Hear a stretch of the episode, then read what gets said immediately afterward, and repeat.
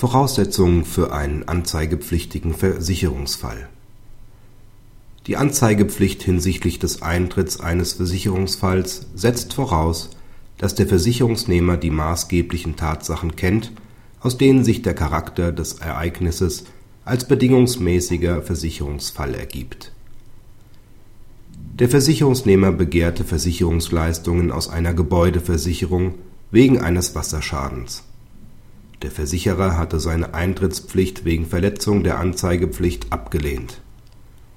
Die Klage des Versicherungsnehmers vor dem LG und OLG blieb erfolglos. Auf seine Revision hin hob der BGH das Berufungsurteil auf. Er wies darauf hin, dass die Anzeigepflicht voraussetzt, dass der Versicherungsnehmer die Tatsachen kennen muss, aus denen sich der Charakter des Ereignisses als bedingungsmäßigen Versicherungsfall ergibt.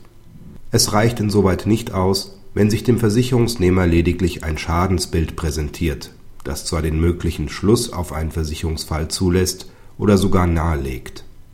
Der Versicherungsnehmer muss positive Kenntnis vom Versicherungsfall haben. Bloßes Kennen müssen reicht nicht aus. Praxishinweis Diese Entscheidung des BGH, die zur Gebäudeversicherung ergangen ist, hat weit über den betroffenen Versicherungszweig hinausgehende Bedeutung, denn die Anzeigeobliegenheit des Versicherungsnehmers besteht in allen Versicherungssparten.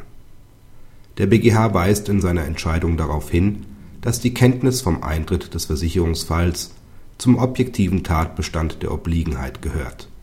Von daher trifft den Versicherer, wie der BGH bereits im Urteil vom 13.12.2006 dargelegt hat, auch die Beweislast für die entsprechende Kenntnis des Versicherungsnehmers